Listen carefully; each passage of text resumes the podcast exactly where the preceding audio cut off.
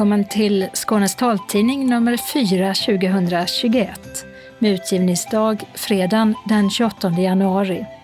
Solen den gick upp 8.06 i morse och ner går den igen 16.35 i eftermiddag. I varsin studio finns Åsa Kjellman Erisi och Mats Sundling. Tekniker är Martin Holmström och det här är innehållet. Färre smittas av covid-19 i Skåne, men vaccinleveranserna dröjer och kommer i mindre omfattning än utlovat. Synenheten Vuxna har infört munskydd för alla besökare och gruppträffarna är fortsatt inställda. Vi har en fråga till synenheten från en taltidningsläsare. Varför får vi inte veta vilka hjälpmedel som finns? Svar direkt ändrad utgivning av Skånes taltidning när Postnord drar ner på postutdelningen. Än svårare att komma ut i arbete för personer med synnedsättning när praktikplatser nästan inte går att ordna under pandemin och det finns oro för smitta i alla led. Den nya tågstationen vid Klostergården i Lund ska inte ha hiss. Nu vill oppositionen ändra på detta. Självklart att det ska finnas hiss, menar synskadad representant i kommunala funktionshinderrådet. Tåg och bussar ska gå i tid, vara tillgängliga och hela och rena. Månadens ansikte i januari sitter på Skånetrafikens nya chef, Maria Nyman, som ser jobbbytet mitt i pandemin som en utmaning. Öppnat och stängt med ostvagn och biblioteksöppning. Annons. Mobiltelefon köpes evenemangstips med författarsamtal och sommarturné. Och kalendern med skönsång och demokratigenombrott. Anslagstavlan är idag gemensam för hela Skåne och innehåller regionala och lokala meddelanden och förändringar i kollektivtrafiken. Och sist i tidningen Redaktionsrutan. Under några veckor nu så har antalet som smittas av coronaviruset i Skåne minskat. Detsamma gäller antalet personer som behöver sjukhusvård. Och på onsdagens presskonferens som Region Skåne höll var det både positiva tongångar kring smittspridning men mer negativa kring vaccintillgången. Först har vi regiondirektör Alf Jönsson. Smittspridningskurvan har planat ut. Färre testas positivt. Färre läggs faktiskt in på våra sjukhus. Eh, färre covidsjuka behöver intensivvård och fler skrivs ut. Tack och lov. Jag vill börja med att tacka alla skåningar för att ni håller i det här, att ni följer de restriktioner och råd som är och att ni fortsätter göra det. Jag vill vädja till oss alla och alla som jobbar med de här frågorna. Håll ut lite till. Det här är inte över än. Ja, de senaste siffrorna från denna veckan är att 548 personer med covid-19 konstaterades under onsdagen, medan 313 personer var inlagda på vårdavdelning och 57 personer med covid-19 vårdades på IVA. Totalt har drygt 95 000 personer i Skåne nu testats positivt för covid-19. Och på presskonferensen sa man också att det fanns gott om tider för att testa sig och uppmanade till att alla skulle testa sig vid minsta symptom. Det har också öppnats tre nya provtagningsplatser där man kan åka förbi med bil i Malmö, Helsingborg och Staffanstorp för att bli testad. Men något som flera tryckte på under onsdagens presskonferens, det var att sjukvården är beredd i Skåne att vaccinera i betydligt större utsträckning, bara vaccinerna levereras som utlovat. Först regiondirektör Alf Jönsson igen. Och vi kommer fortsätta vaccinera så många som möjligt så fort som möjligt. Vi har medarbetare, eh, vi har utrustning, vi har material, vi har kapacitet. Eh, vi behöver mer vaccin. Vi är beredda att göra detta i Skåne eh, och ge plats för dem som behöver verkligen sjukvård eh, till annan vård istället för den här covidvården. Och vi väntar bara på vaccinleveranser. Och även vaccinsamordnare och läkemedelschefen Maria Langgren underströk att även om man vaccinerar många när denna veckan är slut är 45 000 doser levererade ut till vården i Skåne. Så har man en mycket högre kapacitet. Som ett exempel kan jag säga att denna veckan ville 132 vårdcentraler vaccinera med 14 000 doser och det fanns 7 000 doser att leverera ut till dem. Pfizer har dragit ner sina leveranser. Från början var det bara denna veckan vi skulle påverkas, det vill säga förra veckans inleveranser. Men nu står det klart att det är 20 procents minskning ungefär i fyra veckor. Detta påverkar ju såklart takten i Region Skåne. AstraZeneca som har varit vårt hopp för att det är mycket stora volymer som Sverige och EU har köpt av AstraZeneca har ju kraftigt sänkt sin prognos. Vi vet ännu inte när det kommer och vi vet inte riktigt hur mycket det kommer. Någonstans 60-70 procent är prognosen nedskriven av det här vaccinet. Det ska ju hämta sig så småningom men vi behöver ju vaccinet nu. Det pågår också en diskussion om effekten hos Astras vaccin men på fredag hoppas vi på ett godkännande från myndigheterna och en tydlighet vad som gäller detta vaccin. Och förseningarna gör att gruppen som står näst på tur, gruppen 70 plus, efter det att de särskilda boendena, de med hemtjänst och deras hushållskontakter samt personal inom vård och omsorg har fått sina vaccinationer, riskerar att få vänta ytterligare. Maria Langgren igen. Brevet som jag pratade om för två veckor sedan är färdigt, ligger på tryckeriet och är klart att skickas ut. Men eftersom vi måste prioritera att vaccinera de som ligger i priogrupp 1 så har vi inte skickat ut brevet. Vi kommer inte heller att skicka ut brevet förrän vi är säkra på att vi har vaccin. Och då kommer det skickas ut i tre omgångar, 85 år och äldre, eh, nästa omgång 76 till 84 år och sedan 70 till 75 år med några dagars mellanrum. Och då kommer också primärvården vara beredda att ta emot bokningar via telefon och via 1177. Men en vädjan till er är att kontakta inte er vårdcentral om ni är i denna målgrupp innan ni har fått brevet. Och vi har inte vaccin ännu. Och Region Skåne har numera också en mottagning för patienter med långtidscovid, där man samlar många olika kompetenser på ett ställe, där dessa patienter kan få hjälp av bland andra arbetsterapeuter, kardiologer och infektionsläkare.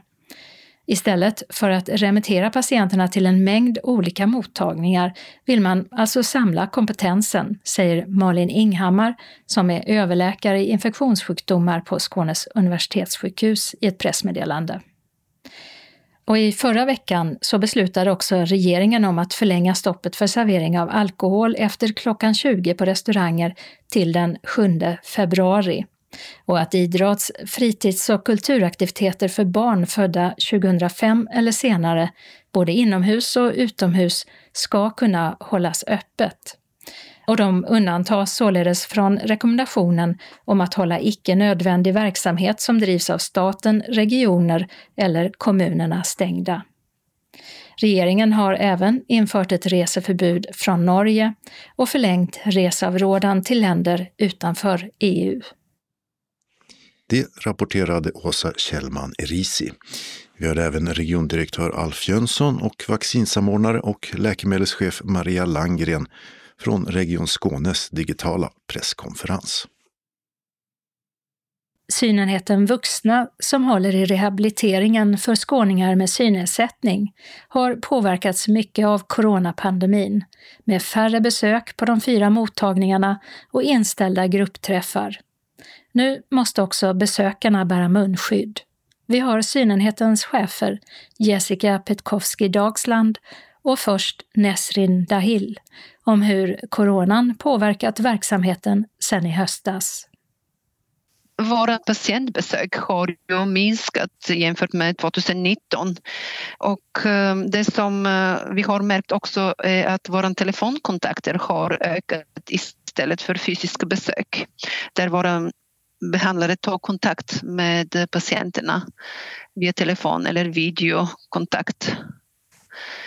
Mm. mm. En, en, annan förändring är att uh, vår behandlare har ju munskydd och visir när de uh, möter uh, patienterna.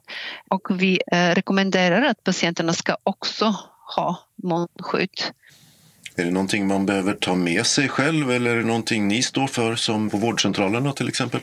vi har här så vi kan eh, ge till eh, våra patienter så de behöver inte bekymra sig för det och att ta med sig.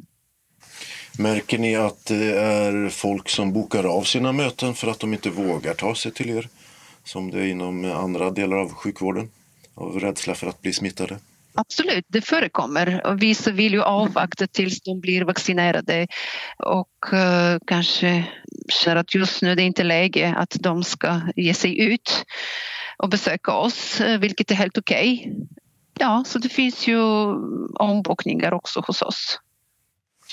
I höstas så talade ni om att gruppträffar hos er, de var ju inställda. Ni träffade patienter en och en om det behövdes. Jag gissar att de fortfarande är inställda. Ja, de är fortfarande på paus. Jag kan ju tänka att det blir nu våren, under våren här i alla fall, till alla vaccinationer och allt. Sen får vi ju se. Vi hoppas ju på att kunna köra igång dem igen. Vi saknar det, vår gruppverksamhet. Ni sa i höstas att ni inte gärna såg att man hade med sig eh, någon annan än sig själv så att säga. Hur är det med ledsagning där? Kan man ta med sig en ledsagare till exempel eller familjemedlem när man ska till synnerheten idag? Hur ser ni på det? Eh, det är ju fortsatt besöksförbud så att eh, det är som det står i våra, vi har skrivit till det i våra kallelser också, att eh, har man inte behov av assistans vid besöket så, så ser vi ju helst att man kommer ensam till besöket. Och det är också utifrån smittspridning och, och coronasituationen. Synenhetens Jessica Petkovski Dagsland och Nesrin Dahil intervjuades av Mats Sundling. Varför berättar ni på synenheten inte om alla hjälpmedel som finns för oss blinda? Ja, den frågan ställer Majt Nilsson i Skurup till synenheten Vuxnas två nya chefer. I en intervju med dem tidigare välkomnade de ju frågor och synpunkter om vad synenheten gör från de som läser Skånes taltidning och som kan vara intressanta för fler att höra svaret på. Och svaret det kommer strax, men först ska vi höra Majt Nilssons fråga. De på synenheterna, de är hjälpsamma och duktiga och ger oss grejer. Men nu när inte de här kurserna på Glimåkra, de finns ju inte längre för tillfället i alla fall. Men där fick vi ju reda på av varandra vilka eh, hjälpmedel som fanns. Och de på synenheten, de berättar inte vad som finns. Jag hade önskat att de gjorde det. Berätta vilka hjälpmedel som finns. För att det, man vet inte om det, utan det är när man hör av någon annan liksom, som att det och det finns och det kan man få hjälp av. Men de berättar ingenting om det. Det tycker jag de borde göra. Så din fråga till synenheten är? Varför berättar ni inte om alla hjälpmedel som finns för oss blinda? Är det något speciellt som du inte har vetat om när det gäller hjälpmedel som du hade velat ha? Om du bara hade vetat om det? Ja, det var just den här som heter, jag tror den heter någonting på Trecker. Det är någon, eh, någon slags GPS som man kan prata in. Mer exakt, jag har ju Blind Square. Men jag tror inte jag har fått tillräckligt utbildning om den för att den säger liksom eh, om 25 meter korsning Bruksgatan, Västergatan och den har jag inte så stor nytta av. Men så sa då den här eh, hundtränaren från Norge, det finns en annan som heter Trecker som du kan prata in själv. Till exempel är det bara en meter, två meter och då ska du ta till vänster och sen är övergången där. Den visste jag ingenting om. Och då blev jag jättetacksam att han berättade det för mig. Så den har jag frågat efter. Jag hoppas att jag får den när de får tid på synenheten. Ja, det var frågeställningen från Majt Nilsson i Skurup. Och vi har med oss synenheten Vuxnas två chefer, Nesrinda Hill och Jessica Pedkowski Dagsland, som får svara på den. Hej Mike, tack för din fråga. Det är Jessica Petkovski Dagsland här som börjar med att svara. Eh, vi gör ju så när man kommer till oss så träffas vi ju första gången eller kontinuerligt att man gör den här kartläggningen så man utgår ifrån de behoven man har när man kommer till oss. Och utifrån den så kommer man då överens om vilka insatser som, som kan vara aktuella. Så man brukar börja med att man träffar behandlare, man gör en kartläggning, går igenom eh, de olika områdena i vardagen så att säga, var man upplever svårigheter och så. Och den ska vara rätt så heltäckande. Och utifrån den så tittar man på vilka specifika behov har man och vilka insatser kan vara aktuella och relevanta. Man brukar också göra en prioritering där, att det här är det viktigaste vi börjar med. Och då kan insatserna, det kan ju vara hjälpmedel, det kan vara andra insatser också, det kan ju vara träning. Så att det är ju en, en bedömning som man, man gör utifrån behovet. Vilka hjälpmedel då som kan vara aktuella. Um, vi har ju ingen alltså så att vi går igenom, för det är ju väldigt många hjälpmedel. Det vi har, har lagt ut nu som ligger på webben, på vår hemsida, där har vi lagt ut en lista på alla hjälpmedel som vi på synenheten arbetar med. Det har vi gjort nu, den kom ut under hösten. Så där kan man, om man är intresserad, så kan man gå in inom alla områden där vi har hjälpmedel som vi arbetar med på synenheten. Om det kan man ha hjälp. Eh, men rent övergripande så är det ju utifrån behovet som man då kommer fram till vilket hjälpmedel som är aktuellt. Nesrin? Jag vill eh, tillägga också du är välkommen att kontakta synenheten eh, om du känner att din hjälpmedel som du har fått inte fungerar längre eller att det är kanske någonting som du behöver prata om eh, med vår behandlare. Så du är välkommen att eh, skicka en egen vårdbegäran så kontaktar vi dig och bokar en tid. Och så är det ju alltid, även om man provar ut ett hjälpmedel så gör vi ju alltid en uppföljning också. Hur fungerar det? Sen kanske det hjälpmedlet fungerar en period och sen är det aktuellt. Sen kan det förändras så att det inte funkar så bra längre och då är man ju alltid välkommen att ta kontakt. Så om man Precis. har frågor kring hjälpmedel, ja. att har ett hjälpmedel där, som inte fungerar eller där man har eh, ett område att här upplever jag svårigheter. Finns det ett hjälpmedel som skulle kunna hjälpa mig? Man är alltid välkommen att ta kontakt med oss. Precis. Även om man har frågor och så såklart. Ja, än en gång tack för din fråga Mate. Och det, det är väldigt givande att få de här frågorna och, att, eh, och ha den här kontakten med, med er lyssnare. Så att, eh, vi hoppas att det kommer fler frågor eller synpunkter och så från er lyssnare till oss på synenheten. Så tack så mycket. Vi är tacksamma för alla input som vi får från uh, våra patienter eller anhöriga till patienter så att vi kan jobba vidare och utveckla vår uh, verksamhet. Sa Nesrin Dahil som tillsammans med Jessica Petkowski Dagsland alltså sedan i höstas är synenheten vuxnas chefer. Och som vi hörde välkomnar de alltså frågor från er läsare. Har du som hör det här en sån som kan vara intressant för fler att höra svaret på? Då går det bra att mejla, skriva eller ringa oss. Kontaktuppgifter hittar du i reaktionsrutan sist i tidningen. Postnords införande av varannandagsutdelning i hela Skåne leder till förändringar för Skånes taltidning. Martin Holmström, enhetschef och ansvarig utgivare, berättar mer. Ja, Postnords försämringar påverkar våra utskick av CD-skivor. Skulle vi fortsätta som idag skulle CD-prenumeranter varannan vecka få taltidningen först på måndagen därpå. För dem skulle en alltför stor del av tidningen ha hunnit bli inaktuell. Därför ändrar vi utgivningsdag och gör allt en dag tidigare än idag. Så i fortsättningen, från och med nästa vecka, så kommer vi att skicka ut CD-skivorna redan på onsdagen. De ska då komma fram på torsdagen eller fredagen beroende på vilken utdelning man själv har just den veckan. Och det här gör att alla läsare får taltidningen samma vecka som den ges ut. Det här innebär bland annat att vi behöver få meddelanden som ni vill ha med i tidningen senast fredagen veckan innan.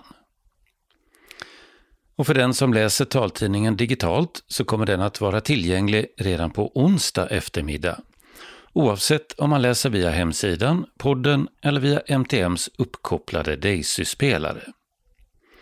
Och är du intresserad av att läsa taltidningen digitalt och alltså kunna läsa den en dag tidigare så hör av dig till oss så ska vi försöka svara på frågor om hur man gör.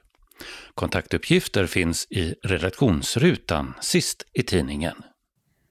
Det sa Martin Holmström, enhetschef och ansvarig utgivare för Skånes taltidning. Följderna av coronapandemin är stora på arbetsmarknaden. Och på Arbetsförmedlingens enhet Syn, döv, Hörsel Syd är det mycket som förändrats och det mesta sker digitalt via telefon eller videosamtal. Oron för att smittas av viruset påverkar situationen i alla led. Katarina Holmström är enhetschef på Syn, döv, hörsel Syd. Det är ju otroligt tufft just nu för alla men tack vare att vi har eh, utökat den digitala servicen så eh, är det ju väldigt mycket som går via helt digitalt och att man har kontakt digitalt. Och det fungerar ju för många och det betyder att då kan man ju, får man ett större utrymme för de som behöver personella resurser. Men det kan vi ju inte ha eftersom vi inte tar emot besök utan då har vi ju något som heter videosamtal. Men personer med synnedsättning har ju inte så stor glädje av eh, att vi har ett videosamtal utan där har vi ju kört det via telefon. Vad är det ni har digitalt då för de som har en synnedsättning? Allt ifrån när man skriver in sig så skriver man in sig digitalt. Man går inte till Arbetsförmedlingen idag som man gjorde förr och skriver in sig. Utan det kan man göra hemifrån digitalt. Och eh, sen har man sina första samtal där man avgör och lägger upp en plan för vad är det man behöver för stöd och hjälp av Arbetsförmedlingen. Det sker också digitalt, alltså via telefon eller videosamtal. Därefter så kommer man ganska raskt och får kontakt med eh, synspecialister eller SYSar, vad man vill. Och om det behövs så gör man ju en synfunktionsutredning. Det går ju inte att göra den synfunktionsutredningen på plats idag utan då försöker man via samtal att eh, försöka se vad är det vi kan göra här och nu. Och sen har vi ju våra synutbildningar också som eh, fungerar. Men det är också digitalt som de styrs. Och det är ju inte alla kan vi ju säga som uh, klarar av det av olika anledningar. Det kan vara språket, det kan vara tekniken som strular som gör att det inte fungerar optimalt. Men de flesta får jag nog säga har klarat av det. Även när man har då en synnedsättning? Ja, det är inte optimalt det kan jag säga. Men det är så vi får göra idag, köra det digitalt. För det är ju ingen som tar emot, så att säga. Det är ingen som sitter i klassrum idag eller kommer till Arbetsförmedlingen. Så att det, det mesta sker digitalt idag. Innebär det att ni också arbetar hemifrån själva? Alla arbetar hemifrån. Jag säger det är 95 procent av alla som är anställda på Arbetsförmedlingen arbetar hemifrån. Arbetslösheten bland de som har en synnedsättning är hög och har varit så länge. Och att komma ut på arbetsmarknaden nu, det är inte lätt. Och det är mycket som skjuts på framtiden tills samhället börjar fungera mer normalt igen. När jag har pratat med synspecialisterna så är det ju det att de, de kommer inte ut i praktik så kan de inte så att säga, tillgodogöra sig det arbetet, varken eh, med hjälpmedel eller något. Och alltså får man avvakta och vänta, så vi har ju skjutit på de här eh, besöken hos arbetsgivarna. Men det är inte totalstopp utan det fungerar ju på vissa arbetsställen har det ju fungerat. Men de flesta är precis som alla andra, där är ett avbräck just nu därför att arbetsgivarna inte vill ta emot. Ja, det är svårt att komma ut på arbetsplatserna under en pågående pandemi. Men det finns en hel del som synspecialisterna kan göra ändå. Men när det gäller till exempel de synfunktionsutredningar som man brukar göra på enheten så kan man göra en hel del via till exempel telefon. Men inte allt. Katarina Holmström igen. Det handlar om att utreda den funktionella synförmågan, det vill säga begränsningar av möjligheter i förhållande till ett arbete eller studier. Och det är ju lite svårt att göra idag så att man, man eh, kan inte göra de delar som är så att säga testdelarna. De fungerar inte då eftersom man inte kan träffas. Men där är ju mycket ändå som man kan prata kring och utreda och kartlägga inför att man går vidare. Eller så är det ju många som är redan i arbete. De hjälper vi också, men det är ju inte optimalt. Till exempel om man vill förnya sina hjälpmedel så är det ju svårt att göra det om man inte är på plats och gör de anpassningarna. Men det fortsätter, det är inte så att det är stopp eller att vi vägrar att göra anpassningar. Vi gör det i den mån det fungerar både för arbetsgivaren, arbetssökande och för oss. Eh, på vissa arbetsplatser är det inte optimalt att göra det på telefon. Då har vi ju gjort en riskbedömning och sett hur kommer det fungera om vi går ut till den här arbetsgivaren. Ja, och så har vi gjort det med skydd och skyddsutrustning och allt. Men det är, det är mycket ni skjuter på framtiden som jag förstår det. Ja, det är ju, dels så är det ju många arbetssökande som är rädda. De vill inte träffas, de vill inte ha kontakt.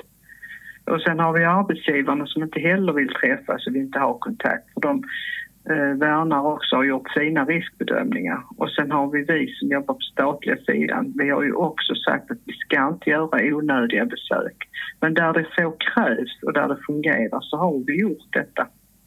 Som du ser det då som enhetschef för syndöv hörsel, vad skulle du säga om den situation som är nu?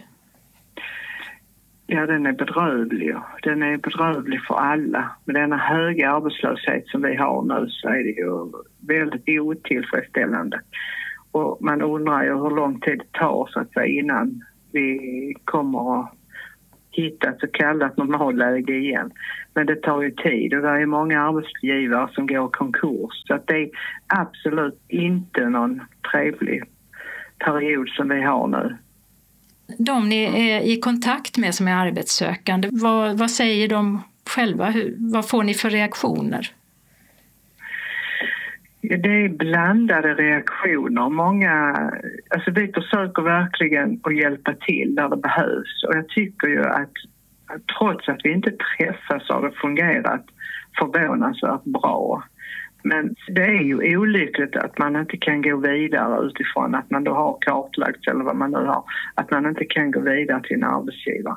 Men det är ju inte bara så att säga arbetsgivarna eller vi utan det är även en arbetssökande som inte har lust att utsättas för den här pandemin som finns ute, som är rädda det kräver liksom inte någonting utan vi får ju avvakta och se. Vi trodde ju någonstans att vi skulle kunna ha kommit längre nu i vår men så ökar det på igen och därför har vi avstannat.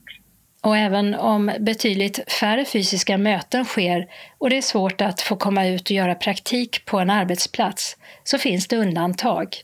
Det kan till exempel handla om administrativt arbete inom internethandeln som har ökat mycket under pandemin och där arbetet kan ske från hemmet och man bedömer att det är säkert att jobba även med tanke på smittspridning. Det är inte så att vi stänger butiken utan vi har ju samtal varje dag och vi har anpassningar så att säga varje dag. Det är inte så att vårt arbete har stannat av helt utan det fortsätter. Men det är ju inte på den nivån som det har varit. Så att ungefär en 10-15 procent sänkning av insatserna som synspecialisterna gör har det ju gått ner men det är inte mer. Och vi gör så gott vi kan och försöker anpassa där det går men det kanske inte blir en optimal anpassning men det får man följa så att säga, se när man kan träffas igen. Det sa Katarina Holmström, enhetschef på Syn Döv Hörsel Syd. Och reporter var Åsa Kjellman Erisi. Vid Klostergården i Lund pågår anläggningsarbeten för stadens tredje tågstation. I byggplanen finns ingen hiss, däremot långa ramper.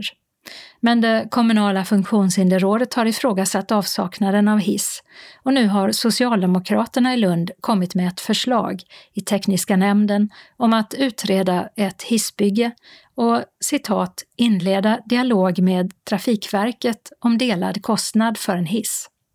Även övriga oppositionspartier i nämnden, det vill säga Miljöpartiet, Vänsterpartiet samt Sverigedemokraterna, stödde förslaget. Kommunstyrelsens ordförande Liberalernas Filip Sandberg menar att Socialdemokraterna hela tiden varit medvetna om att det av kostnadsskäl inte skulle bli en hiss och att om man nu river upp ingångna avtal så riskerar man att skälpa bygget, skriver Sydsvenskan.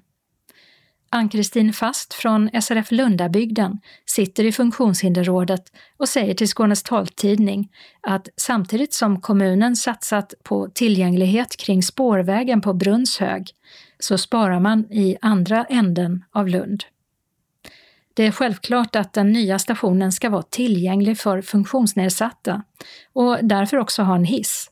Det säger Fast, som menar att de planerade långa ramperna vid stationen gör det svårt för funktionsnedsatta att använda stationen utan hjälp.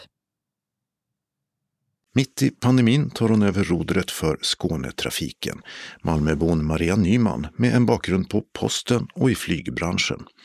Och senast har hon chefat för tågdelen inom Skånetrafiken.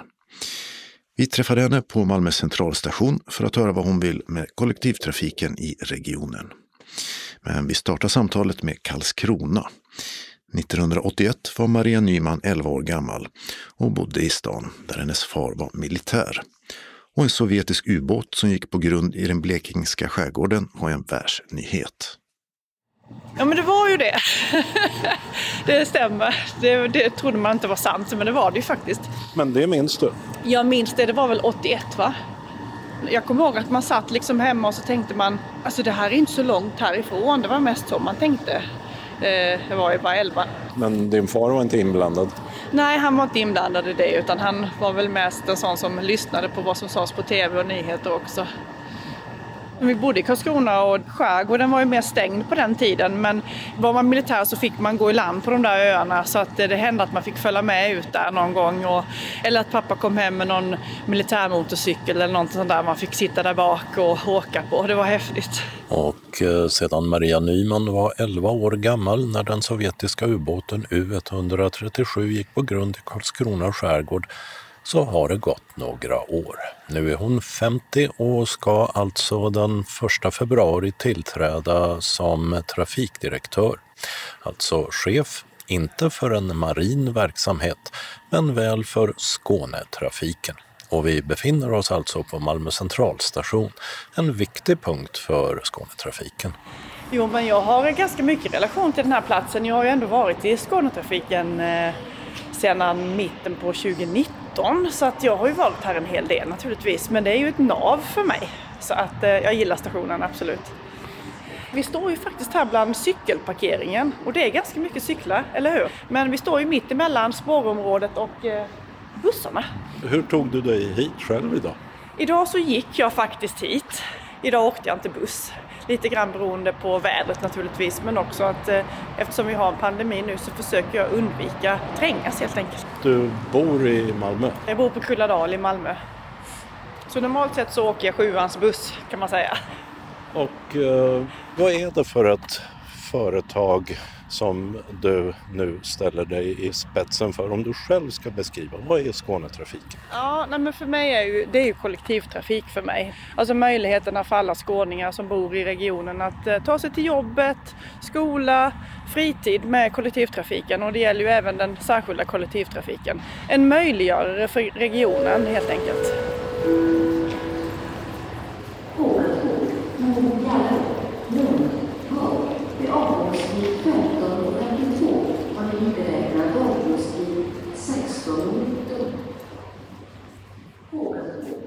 Är det många tåg nu som eh, är ändrade tider på?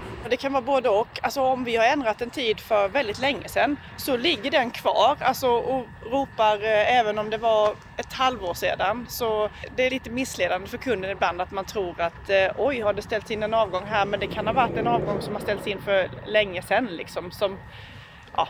ja, där kommer du ju in på någonting som handlar om ansvarsområdet. Du ansvarar inte för allting. Trafikverket är också inblandat. Var går gränserna?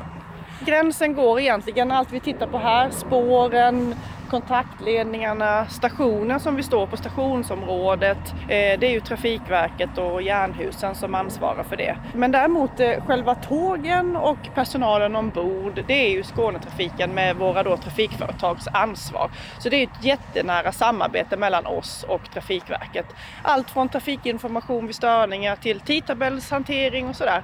Så att eh, vi är inte ensamma på, på spåret. Men vet resenärerna vem som egentligen gör vad? Kommer du att få skäll för saker och ting som inte är Skånetrafikens ansvarsområde?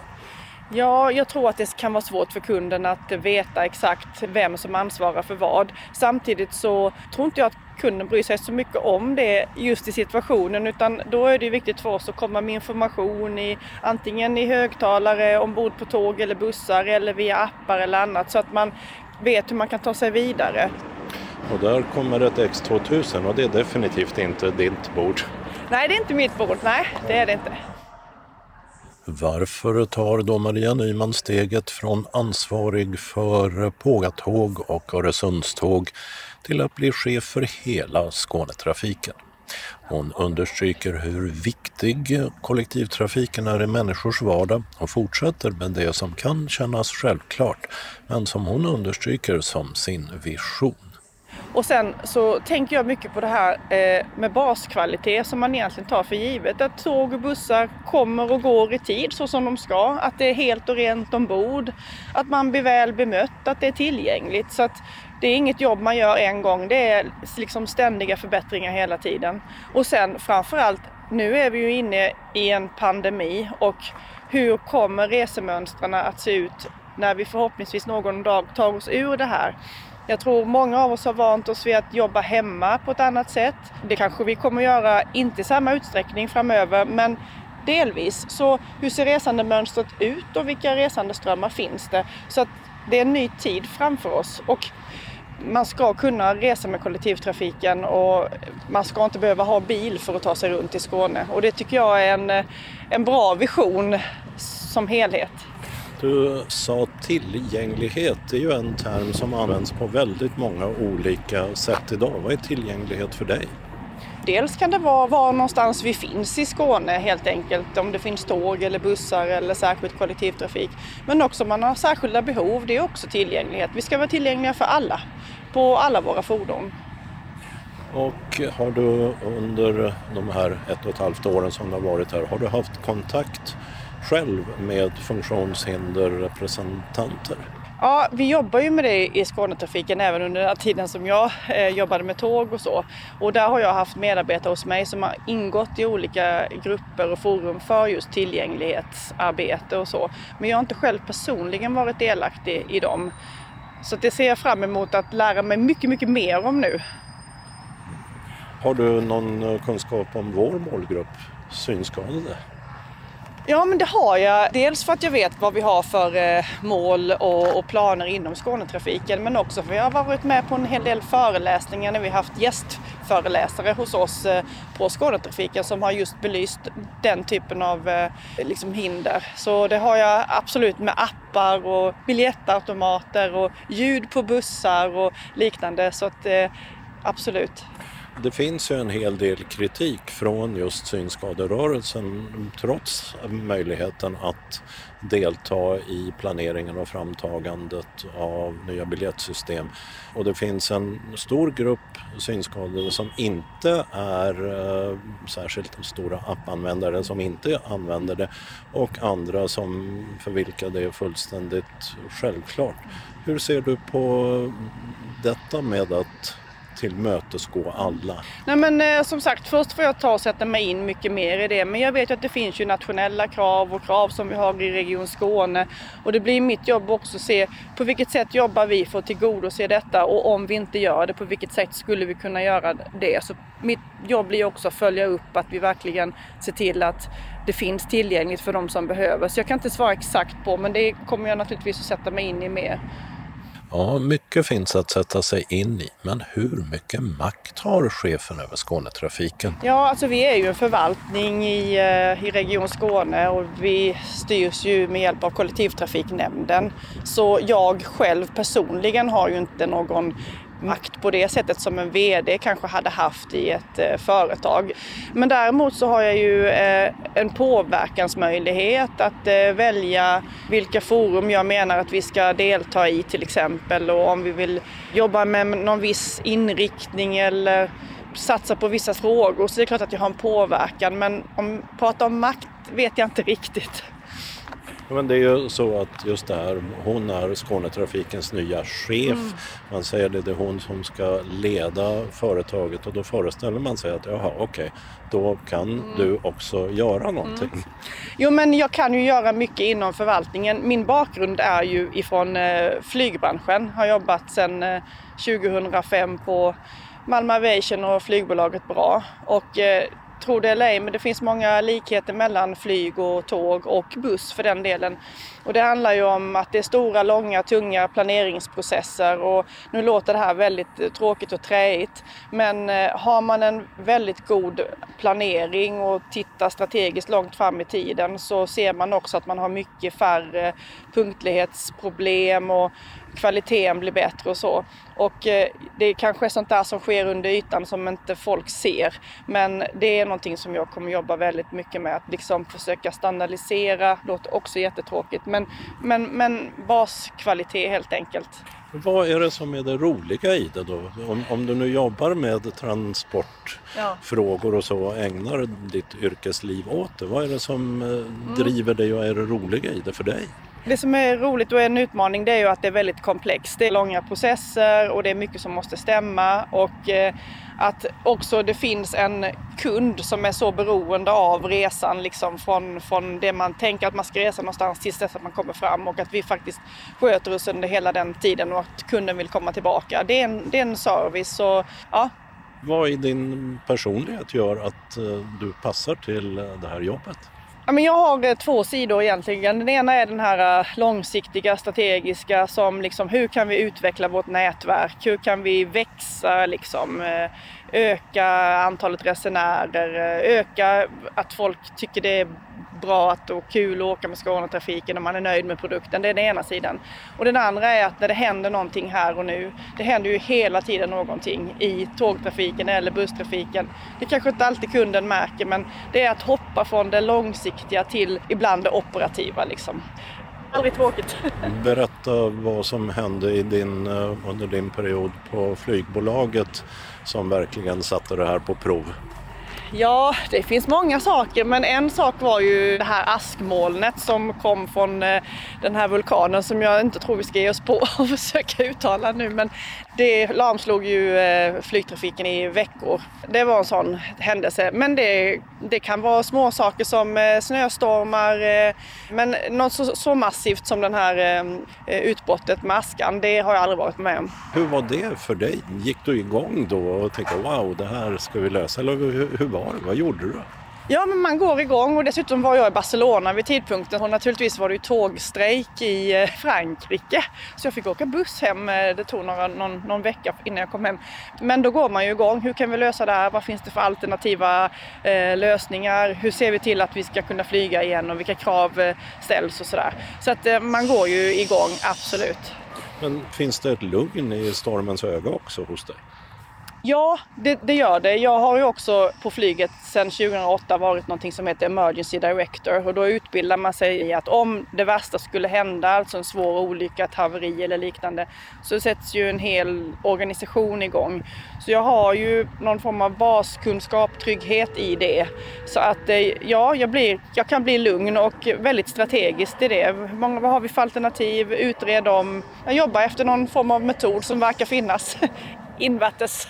Men denna fredagseftermiddag på Malmö central i pandemins tid behövs inga strategier av det slaget. Det är väldigt lite folk på perrongerna fast tågen kommer och går. Och Maria Nyman, hon är ekonom i botten. Men fanns det något hos henne redan som liten som pekade mot transportväsendet? Ett intresse för tåg, bilar eller bussar? Nej, jag vet inte om som liten direkt men eh, jag har alltid varit intresserad av eh, flyg på något konstigt sätt. Jag vet faktiskt inte varför men fascinerad kanske. Men som liten var det faktiskt mest hästar. Det är också någon form av transport men på fyra ben då. Ehm, förväntar du dig eh, telefonsamtal från glada eller arga resenärer eller finns det något av elfenbenstorn över chefskapet? Nej, jag vet faktiskt inte. Vi får väl se om det ringer någon eller så. Men mail har jag ju fått redan nu, till exempel i den roll jag har som affärsområdeschef för tåg. Så att jag förväntar mig att det kanske fortsätter på samma sätt. Men jag tycker också det är ett tecken på att kunder är engagerade. Man vill att kollektivtrafiken ska fungera. Så att eh, ja, det får man ta, att det kommer kritik, för det får man ta till sig. Så är det i alla branscher och det får man liksom inte ducka för, så är det. Men kommer det detaljerade mejl sådär, gör detta eller, eller nu är jag sur på detta? Eller? Det kan komma både ja, men, eh, kritik, alltså personliga mejl och det kan komma också att det här gjorde ni jättebra, så det kan vara både och. Men inte så att på något personligt plan på något sätt. Finns det någonting där du känner att oh oh, det här är faktiskt någonting som skulle kunna beröra mig på ett obehagligt sätt? Kanske inte obehagligt sådär. Däremot det som kan liksom göra mig upprörd, det är när samarbeten inte fungerar på, på ett bra sätt. Alltså där man vet att det är viktigt att vi gör det här för kundens bästa. Det är då jag kan bli extremt engagerad. Liksom. Men det är ju inte på det där obehagliga sättet utan det är mer att jag får eh, energi att den här frågan ska jag driva eller det här, den, den här ger jag mig liksom inte på. Det är snarare så. Men jag är nog rätt så lyckligt lottad att inte ha varit med om något sådant. Eh, tvekade du någon gång eh, på grund av att vi är mitt i pandemin att eh, ta steget över till chefskapet? Nej, det gjorde jag inte. Faktiskt tvärtom. Jag tror att många av oss som är mitt i detta nu ser att vi vet inte riktigt vad är det nya normala och få vara med och leda en verksamhet som, som denna genom något sådant eh, tycker jag ska bli jättespännande tillsammans med ledningsgruppen och hela Skånetrafiken. Så att nej, jag tvekade aldrig. Men rent fysiskt, jobbar du hemifrån? Så är du på kontoret? Var är du? Ja, men normalt sett så har vi ju vårt huvudkontor i, i Hässleholm. Då åker jag tåg dit eh, på morgnarna. Men nu under pandemin så gör ju vi som de flesta, vi jobbar ju hemifrån. Däremot så har vi ju kundtjänst och vår beställningsmottagning och eh, det som kallas för kundledningscentraler som jobbar dygnet runt. De är på kontoret. Och eh, hur ser privatlivet ut? Har du familj? Ja, jag har en 17-årig eh, son som ju delar kontor med mig nu kan man säga för han eh, går ju gymnasiet hemifrån då så att vi, det är faktiskt ganska trevligt att vi sitter tillsammans hemma och eh, han går skolan och jag eh, jobbar då. Och så eh, min man också som eh, jobbar som brevbärare så han kan ju faktiskt inte jobba hemma utan han är ju ute och delar ut post. Där sa du någonting, posten, där har du varit också. Ja, exakt. Det har jag varit också. Och det är också lite grann det här med leverans och logistik och så. Så visst har jag en, eh, en, liksom en bakgrund kring det. Ja, jag har varit på posten också. Men därifrån borde du väl ha en vana när det gäller att få skäll? Ja, exakt. Jo, men det var det ju också mycket med leverans, att man levererade på rätt dag och sådär. Skulle du kunna vara på posten idag när vi går mot varannan dagutdelning och eh, det, ja, Danmark delar ut en gång i veckan? Nej, posten känner jag att det, det kapitlet, det har jag gjort faktiskt. I det här porträttet ingår att beskriva sig själv. Hur ser du ut?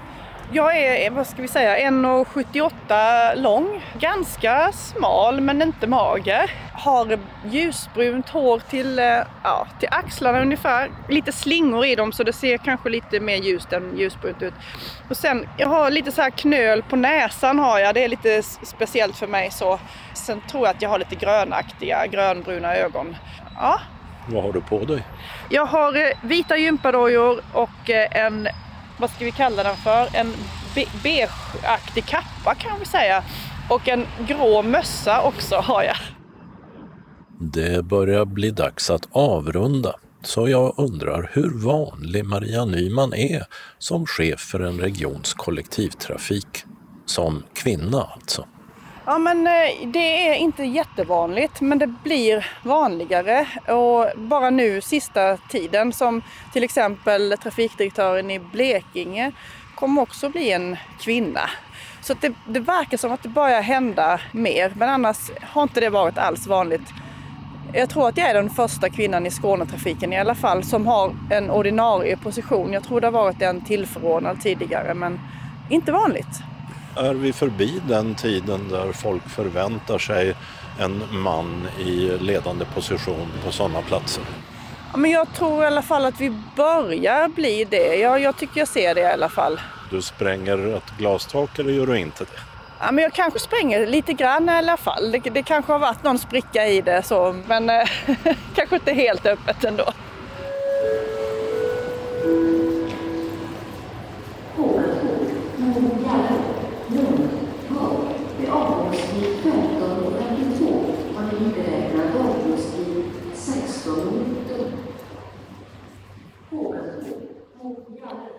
Vi hörde Maria Nyman, månadens ansikte i januari och ny chef för Skånetrafiken från och med den 1 februari. Reporter var Dodo Parikas. Öppnat och stängt. När det gäller biblioteken Skåne runt så är det öppet igen på många håll. Framförallt på huvudbiblioteken, men med begränsade öppettider och begränsat antal besökare.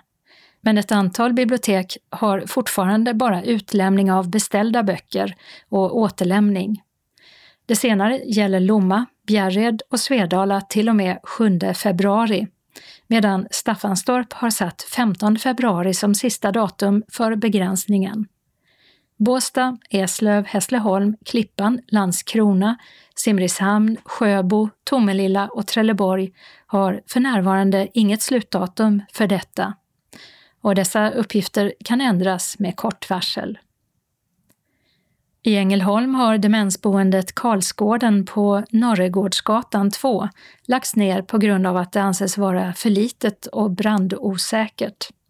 Nedläggningen är en del av en pågående flerårig förnyelse av kommunens äldreboenden. I Höganäs är saluhallen försatt i konkurs.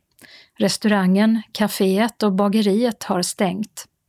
Butiken håller tills vidare öppet på tisdag till söndag mellan 10 och 16.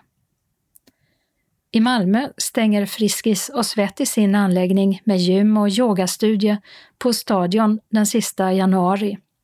Övriga anläggningar i Malmö är igång. Landskrona har fått en ny privat tandläkarmottagning. Den ligger på Säbygatan 3, där det även tidigare funnits tandläkare. I Trelleborg och Vellinge har en ostvagn öppnats med namnet Lilla Osteriet. Här kan man köpa delikatessostar av olika slag och den befinner sig på tisdagar och torsdagar mellan 12 till 18 på Lilla torget i Vellinge och på samma torg även lördagar men då mellan 11 och 15. Onsdagar och fredagar besöker Lilla Osteriet Trelleborg där man hittar vagnen på Karbingatan 2 mellan klockan 11 till 17. I Lund, Eslöv, Simrishamn, Ystad, Staffanstorp, Landskrona, Helsingborg med flera orter i Skåne öppnar Kjell Company expressbutiker på Circle Ks bensinstationer. Sen i maj har samarbetet mellan hemelektronikkedjan och Circle K pågått och nya orter tillkommer hela tiden med målet att finnas på kedjans samtliga bemannade bensinstationer i landet. I expressbutikerna finns ett mindre utbud än i Kjell Companys större affärer. Vi har en annons från Rickard Nilsson som efterlyser en Nokia N95 eller liknande telefon i bra skick och den ska ha Mobile Speak installerat. Och Rickard önskar svar via ljudmeddelande eller att bli uppringd på telefon 0708 190 586. Evenemangstipsen med inställt, flyttat och sånt som faktiskt verkar bli av, till och med live. Den 1 februari kan man i alla fall digitalt ta del av premiären på Debutantscen Malmö. En ny litterär scen för nya skånska författare. Och en av premiärgästerna är Emma Rävås, en synskadeaktivist från Lund som vi porträtterade här i taltidningen i samband med att hennes roman Jag händer jämt kom ut nu i höstas. Hon är en av sju författardebutanter som från klockan 19 på måndag kan synas och höras läsa ur och tala om sina böcker via Malmö stadsbiblioteks ungdomsavdelning Kruts Facebook-sida. För den som prenumererar på vårt nöjesmail, där man får de här tipsen i textform, för det här är en länk till det digitala evenemanget. Och för er som ännu inte har nöjesmejlet så går det att få om man kontaktar oss. Kontaktuppgifter finner du i redaktionsrutan sist i tidningen. Kulturkvarteret i Kristianstad har live-evenemang som man faktiskt kan gå på. Åtminstone i talande stunder är väl bäst att lägga till. Med begränsat antal besökare och andra anpassningar till läget. Komikern Petrina Solange, som är från Degeberga, kommer dit fredag den 12 februari med sin föreställning Nu är jag här, hennes första soloturné. Reflektioner och grova skämt kring könsroller och Skånes usla självförtroende utlovas från klockan 20 och 90 minuter framåt. Dagen därpå, den 13 februari, samma tid uppträder hon på hotell Lundia i Lund. Torsdag den 25 februari kommer hon till The Tivoli i Helsingborg. Fredag, lördag den 26 och 27 februari till Babel i Malmö. Och där blir det också en extra föreställning den 4 mars. Insläpp klockan 19.30 samtliga tillfällen och biljetter för 250 kronor säljs av Nortic. Åder Tivoli öppnar också för konsertbesök med sittande publik i begränsat antal. Lördag den 13 februari uppträder popsoul-sångaren Erik Gadd. Och biljetter för mellan 7 och 900 kronor inklusive mat finns i talande stund. Insläpp från klockan 18, konsertstart klockan 20. Och fredag den 19 februari gästar sångerskan Lisa Nilsson där Tivoli. Samma tider och priser. Biljetter finns hos Nortic och konserterna sänds också som Facebook-evenemang. Malmö Opera har visat en kanske större vilja att fortsätta ge föreställningar än de flesta, åtminstone streamat. Men den fortsatt höga smittspridningen i Skåne har nu fått dem att ställa in alla föreställningar fram till den 31 mars eftersom med de för de nya reglerna om max åtta personer i rummet inte kan repetera och genomföra föreställningarna. Kammarkonserten den 6 februari är alltså inställd. Operan Fallet Makropoulos skulle haft premiär den 20 mars men ställs nu in med hopp om premiär någon gång i framtiden. Fredagskonserten och allsång den 26 och 27 mars ställs in också det. Men Malmö Opera hoppas fortfarande att kunna genomföra världspremiären på Circus Days and Nights som är ett samarbete med Cirkus Cirkör och med musik av Philip Glass den 29 maj. Malmö Arena hoppas under året och nästa kunna genomföra några uppskjutna evenemang. Köpta biljetter till dem gäller och nya säljs. Den 22 maj 2021 ska Bo Kaspers Orkester nu spela och föreställningen heter som deras senaste album 23.55 Hjärtat håller takten. Inträdet är mellan 605 och 1150 kronor. De senare för platser längst fram. Bord kan bokas för samtidig förtäring och 19.30 är starttiden. Popunderhållaren Danny Saucedos turné med föreställningen The Runaway Show på samma Malmö Arena är nu planerad till den 10 december 2021 klockan 20. Dit säljs biljetter för mellan 600 och 900 kronor. Det klassiska dansbandet Sven-Ingvars, som skulle spelat den 5 februari i år, har nu skjutit upp sin turné till nästa år. Enda skånska stoppet blir då på Malmö Arena den 7 januari 2022. 19.30 för att vara exakt och biljetterna kostar från 600 kronor och uppåt. Och rockveteranen Brian Adams känd för till exempel låten Summer of 69, har nu skjutit upp sin uppskjutna konsert den 25 april i år ett helt år framåt. Nytt datum är den 22 april 2022 klockan 20. Och det ska också bli den enda konserten i Skåne. Inträdet är också här 600 kronor och uppåt. Och biljetter till samtliga säljs av arenan och Ticketmaster. Det ska bli en Diggiloo-turné i sommar, nämligen förra sommarens planerade som ju fick ställas in. Med några skånska showdatum som de tror blir av om vaccineringarna går som utlovat. Artisterna är Peter Jöback, David Lindgren, Jessica Andersson, Mariette, Tommy Nilsson och Per Andersson liksom Sara Dornfeiner, Sanne Salomonsen, Frida Örn och Unga Stjärnskottet Teos bland andra. Musik, humor och glädje utlovas under tre timmar. Och turnépremiär blir det ett år senare nästan på dagen på Malmö Arena söndag den 4 juli. Sen följer i Skåne Ystad och Sandskogens idrottsplats fredagen den 9 juli. Idrottsplatsen i Kristianstads arenaområde fredag den 23 juli. Och sista skånska stopp blir på Båstads tennisstadion lördag den 24 juli. Start klockan 19 vid samtliga tillfällen. Biljetter köpta till förra sommaren gäller och nya säljs nu för mellan 500 och 900 kronor. Billigare för barn och de går att köpa hos Ticketmaster eller Nortic eller via hemsidan digilo.com turnéplan. Biljettinformation. Ticketmaster nås på telefonen 077-170 70 70. Nortic har 0455 61 97 00. Malmö Opera har telefon 040 20 85 95. Och Malmö Arena nås på 0755 78 00 00. Kalendern för årets femte vecka börjar med måndag den 1 februari då det är namnsdag för Max och Maximilian.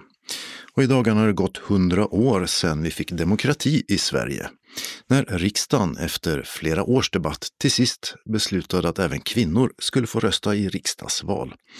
Något som sen skedde den första gången i september 1921, senare än i många andra länder.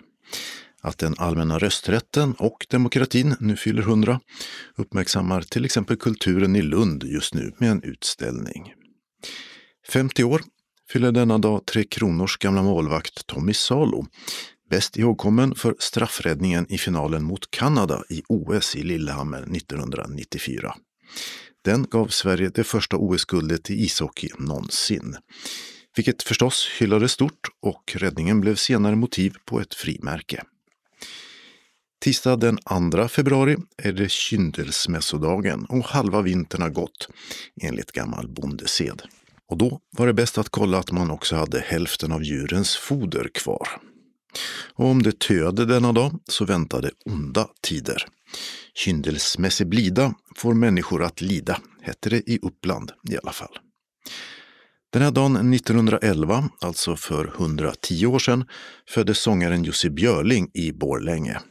Han drillades hårt av sin far och blev redan som barn en rutinerad artist. Sen utvecklades han till en av de bästa och många säger den bästa tenoren någonsin. Han uppträdde på alla de stora scenerna i världen. Här har vi Jussi Björling sjunga Till havs i en tv-inspelning från 1953.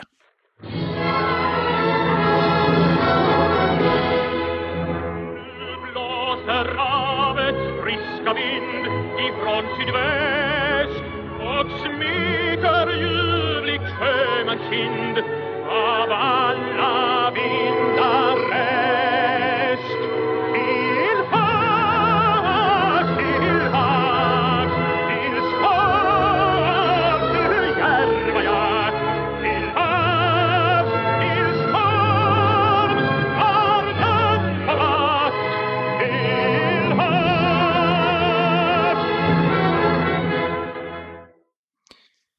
Onsdag den 3 februari debatterar och beslutar riksdagen om 140 motioner om nya former av stöd till personer med funktionsnedsättning. De handlar bland annat om FN-konventionen på området, om en större och tryggare rätt till assistans enligt LSS och åtgärder mot bidragsfusket i den branschen. Motioner finns också om att till exempel förtydliga LSS så att synskadade garanteras rätt till service eller att ledsagning enligt socialtjänstlagen bör vara gratis. Men i socialutskottets förslag till beslut yrkas avslag på samtliga motioner. Istället hänvisar man till arbetet och utredningarna som redan pågår. Och så har Disa och Hjördis namnsdag. Torsdag den 4 februari skulle vintermarknaden i Jokkmokk startat för 416 året i följd. Men coronapandemin gör att kungaparet och de uppåt 50 000 andra besökarna som brukar komma får stanna hemma. Festivalen ska istället bli digital, har kommunen bestämt. Med seminarier och kultur på webben som ersättning den här gången. I Qatar börjar denna måndag klubblags-VM i fotboll för herrar efter att ha blivit uppskjutet och urtunnat i omgångar. Kalenderredaktören tippar Bayern München som vinnare i finalen en vecka senare. Ansgar och Anselm har namnsdag. Fredag den 5 februari är det Agata och Agda som har namnsdag. Fotbollsspelaren Stina Blackstenius har varit bofast i det svenska landslaget sedan 2015 med både VM-brons och OS-silver bland meriterna. Och med klubblaget Göteborg FC tog anfallaren hem det allsvenska guldet senast, det andra i karriären. Nu fyller Blackstenius ett helt kvartssekel jämt. Lördag den 6 februari är det samernas nationaldag. I år med begränsade publika evenemang. Men med hissade flaggor även i Skåne, till exempel utanför Länsstyrelsen. Världscuptävlingar i längdskidor blir det i västgötska Ulricehamn under helgen. Sprint för damer blir det med Linn Svan och Maja Dahlqvist som största svenska hopp. Men de får klara sig utan publikens stöd. Även skidåkningen har fått se mycket av verksamheten inställd och flyttad på grund av ett visst virus. Tävlingen här blir alltså utan publik. Dorotea och Doris har namnsdag. Söndag den 7 februari är det parlaments och presidentval i sydamerikanska Ecuador. En ny president blir det helt säkert eftersom den sittande Lenin Moreno inte ställer upp till omval. Och vilka som vinner anser flera politiska bedömare vara viktigt eftersom landet tagit steg från auktoritär populism, vanligt i regionen, mot mer demokrati. Parlamentsval är det också i det lilla alplandet Liechtenstein. Landtagens alla 25 platser står på spel. Och så är det kyndelsmässodagen, igen enligt kyrkans almanacka. Som alla säkert minns är den första den historiskt korrekta dagen då Maria enligt seden bar den 40 dagar gamla Jesus till templet. Den här dagen är närmsta söndag, som den svenska kyrkan firar den på sedan 1772. I år i USA bänkar man sig framför tvn med popcorn och välvalda kylda drycker. Där är det dags för Super Bowl, alltså finalen i amerikansk fotboll som avgörs i en enda match. Den spelas i Tampa i Florida mellan hemmalaget Tampa Bay Buccaneers och Kansas City Chiefs. Hemmalagets quarterback Tom Brady kallas av många för den bästa spelaren genom tiderna. Och han har redan spelat nio finaler och vunnit sex. Rekordmånga redan det. Namnsdag denna dag har alla Rickard och Dick. Anslagstavlan är idag gemensam för hela Skåne och vi börjar med regionala meddelanden. Sveriges civilförsvarsförbund, som är en frivillig försvarsorganisation som arbetar för ett säkrare samhälle både till vardags och i kris, söker personer med synnedsättning eller blinda personer som vill utbilda sig till instruktörer inom Sveriges civilförsvarsförbund. I mars 2021 har du chans att vara med på introduktionsträffar för att få veta mer om vad instruktörsuppdraget innebär. Den 19 till 23 april håller vi kurs för blivande instruktörer om hot och risker i samhället och hur man kan bli säkrare och tryggare som medborgare. Vi kallar det hemberedskap. I utbildningen ingår också första hjälpen, hjärt och lungräddning, brandkunskap, barn och seniorsäkerhet. Och kursen hålls på Almåsa havshotell, Stockholm. Utbildning, litteratur på det läsmedia du önskar, logi och måltider är utan kostnad för deltagaren. Ersättning för förlorad arbetsförtjänst under kurstiden kan sökas hos Synskadades riksförbund. Efter godkänd utbildning kommer du själv som instruktör att utbilda i Civilförsvarsförbundets kurser för allmänheten mot ett mindre arvode. Om pandemirekommendationer omöjliggör att kursen genomförs i april flyttas utbildningen fram till ett senare datum. Är du 18 år och äldre och tycker om att lära ut och hålla presentationer är du välkommen att anmäla intresse till Åsa Hagelberg, nationell samordnare i Sveriges civilförsvarsförbund. Mailadress asa.hagelberg civil.se senast den 19 februari 2021. Kontaktperson Synskadades riksförbund Arne Jungelin arne.jungelin srf.nu Telefon 08-39 93 33 och kursen genomförs i samarbete mellan Sveriges civilförsvarsförbund, Arbetarnas bildningsförbund och Synskadades riksförbund. SRF Folkbildning tillhandahåller kursdeltagarnas anpassade studiematerial på valfritt läsmedia. SRF Skåne har en julklapp till synskadade barn och ungdomar. Synskadades riksförbunds lokalförening SRF Malmö och Svedala och dess understödsstiftelse har inför julen gett ett ekonomiskt bidrag till synskadade barn och ungdomar som bor i Malmö med gränsliggande kommuner som Lund, Trelleborg, Svedala med flera. Synskadades riksförbund SRF Skånedistriktet har därför under julhelgerna beviljat pengar till de synskadade barn och ungdomar i Skåne som inte ingick i Malmö och Svedalaföreningens beslut. För distriktet är detta ett engångsstimulansbidrag för att ha ett jämställt utgångsläge i hela Skåne under coronas isolering.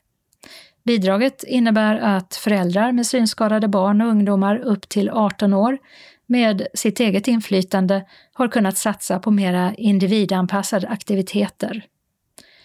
SRF Skånes styrelse känner förståelse för dessa familjers situation, då gruppaktiviteter har omöjliggjorts på grund av sjukdomsrisk och spridning av detta lömska virus. Dessutom har skolor på olika nivåer stängts och man har istället distansundervisning, vilket bidrar till att ensamheten blir större för dessa barn och ungdomar. Vi hoppas att detta bidrag gör stor skillnad. Styrelsen för SRF Skåne har tidigare tagit beslut gällande ledsagning för vuxna personer i ensamhushåll för att de ska kunna bryta sin isolering eller där ledsagning inte kunnat anskaffas på ett tryggt sätt för våra medlemmar. Därför känns det ganska naturligt att skapa individuella möjligheter för våra unga som på sikt kommer att bli vuxna synskadade inom Synskadades riksförbund. Hälsar styrelsen från SRF Skåne. Vi har några lokala meddelanden och vi börjar med Synskadades förening Kristianstad-Bromölla som önskar sina medlemmar en god fortsättning på 2021 och meddelar att alla planerade aktiviteter inom föreningen är inställda till och med juni månad. Detta innefattar kamratträffar, älgsafarin, vattengympan och bokcirkeln. Endast årsmötet ska genomföras via telefon. Instruktioner om detta kommer i kallelsen. Vi hoppas att samhället snart normaliseras igen så vi kan träffas och ha trevligt ihop som vi brukar. Tills dess, var rädda om er, ha det bra och håll humöret uppe, hälsar styrelsen. Vi har en inbjudan från SRF Västra Skåne till alla medlemmar i Helsingborg, Höganäs, Landskrona och Svalöv. Det gäller ett månadsmöte med nominering tisdagen den 9 februari klockan 14 till 16. Det är dags att nominera till valen på årsmötet. Mötet äger rum som en telefonkonferens med plats för 28 deltagare. Anmälan görs till kansliet på telefon 15 83 93 eller mejl srf.monica telia.com senast fredagen den 5 februari klockan 12. Vid anmälan får du telefonnummer och deltagarkod per mejl eller telefon. Välkomna! Och vi har några tillfälliga ändringar som berör både den lokala och regionala busstrafiken i Skåne. I Malmö håller man på att bygga ett upphöjt övergångsställe på Hyllie allé, vilket har gjort att stadsbuss 33s hållplats på Hyllie allé A är stängd. Med hänvisning till hållplatsen Hyllie B som ligger på Hyllie boulevard cirka 500 meter åt nordväst. Hyllie allé läge B stänger också och här ersätter hållplatsen Hyllie C 500 meter västerut på samma boulevard. Det här arbetet kommer att ta längre tid än man först räknade med och nytt slutdatum är den 5 februari klockan 15. Ett grävarbete på Lodgatan som redan är igång påverkar två hållplatser för busslinje 32. Arbetet har förlängts och beräknas vara färdigt den 2 februari klockan 9 på morgonen. Punktligheten för bussarna kan komma att påverkas på grund av förlängd körväg. Och de hållplatser som berörs är hållplats Lodgatan läge A som stängts, hänvisning till hållplats Kosterögatan läge A på Hanögatan, cirka en kilometer i nordöstlig riktning. Även hållplats Väderögatan läge A stängs och även här hänvisas till hållplats Kosterögatan läge A på Hanögatan som ligger dryga 500 meter i nordöstlig riktning. I Lund påverkar ett vägarbete på Fjälljevägen linje 4 mot Norra Fäladen och linje 126 och 137 i riktning mot Lund fram till den 18 februari klockan 16. Två hållplatslägen stängs, hållplats Klosters Fälad, läge A och hållplats Vildanden, läge B, med hänvisning till en tillfällig hållplats på Fjäljevägen i korsningen med Vildgåsvägen och Bondevägen. I Lund påverkar ett VA-arbete busstrafiken med linje 2 mot Värpinge på Trollebergsvägen från den 1 februari klockan 7 till den 5 februari klockan 16. Hållplats Eka, läge B, flyttas cirka 45 meter framåt i bussens färdriktning på Trollebergsvägen. I Svalöv pågår ett omfattande ledningsarbete sedan en tid tillbaka på Bäckalidsgatan och Rönnebergsvägen som påverkar linje 240 och det ska avslutas först den 31 augusti i år. Men från och med i måndags så kommer linje 240 även att angöra hållplats Svalöv brandstationen där linje 230 stannar. Detta för att underlätta för resenärer från den stängda hållplatsen Svalöv Hans Perssons väg som nu kan resa från hållplats Svalöv brandstationen istället. Och det här var allt för detta nummer av Skånes taltidning. Och nästa gång vi kommer ut är det torsdagen den 4 februari och alltså första gången med en ny utgivningsdag. Skånes taltidning ges ut av Region Skånes psykiatri och habiliteringsförvaltning. Ansvarig utgivare är Martin Holmström. Postadress Jörgen Ankersgatan 12, 211 45 Malmö. Telefon 040-673 09 70. E-post Skanes taltidning snabela skane.se och hemsida skanestaltidning.se. Observera att CD-skivorna inte ska skickas tillbaka till oss. Såväl skivor som kuvert kan läggas i brännbara sopor när ni inte längre vill ha dem. Vi hörs igen. Hej då!